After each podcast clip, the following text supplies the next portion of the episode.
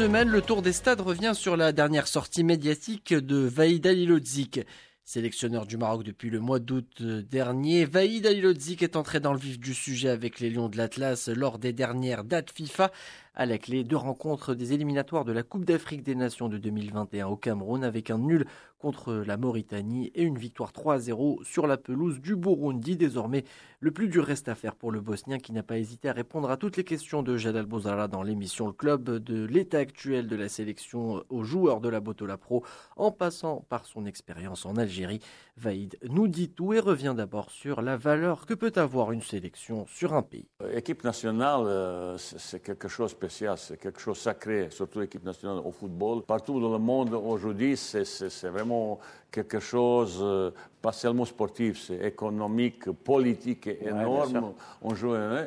Mais j'aimerais bien qu'un jour, euh, cette équipe nationale, il, il devient vraiment fierté de tous les Marocains, pas seulement au Maroc, et depuis le départ d'Hervé Renard au terme de la Coupe d'Afrique des Nations de 2019, Vaïd Alilodzik a fait appel à plusieurs joueurs et tenté pas mal de formules afin de trouver un 11 qui reflète son idée de jeu. Mais pour l'heure, le constat indique qu'il en est loin. Mais le Bosnien ne baisse pas les bras pour autant avec un programme établi qui lui permet de superviser les joueurs marocains dans les quatre coins du monde. Il y a des talents au Maroc, il y a des talents. Il a au pays, mais surtout extérieur. Dans l'équipe U-17 de Belgique, il y a 7-8 joueurs marocains. Avec moi encore 4-5 euh, joueurs que je dois visiter, voir. Je cherche maintenant, j'ai maintenant un groupe à peu près, mais je entre quelque chose. Et derrière, et au milieu, Avec le départ de plusieurs joueurs clés depuis la Coupe d'Afrique des Nations de 2019, le Maroc devra trouver un nouveau noyau qui permettrait d'atteindre les objectifs souhaités, notamment la Coupe d'Afrique des Nations de 2021 et surtout le Mondial de 2022 que Vaïd Alilodzik vise depuis son arrivée sur le banc des Lions de l'Atlas. Le Bosnien qui a déjà connu les joies d'un mondial avec l'Algérie en huitième de finale en 2014 au Brésil face à l'Allemagne.